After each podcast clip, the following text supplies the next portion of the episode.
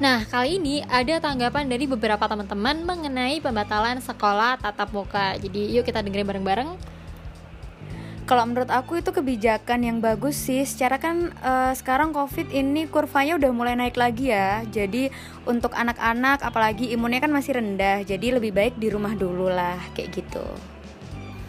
Ya kalau saya sih sekolah online itu kurang efektif ya karena apa? Ya pertama pastinya mulai dari ini jaringan ya. Kalau jaringannya buruk pun kalau dari dari pihak guru atau muridnya pun ya e, sangat tidak efektif juga untuk materi yang disampaikan. Terus e, apa namanya kebanyakan pertemuan yang dibuat oleh dosen atau guru itu sangat singkat dan biasanya kebanyakan malah dikasih tugas. Akhirnya ya murid-murid banyak yang nggak paham juga sama apa namanya materi-materi yang akan dipelajari.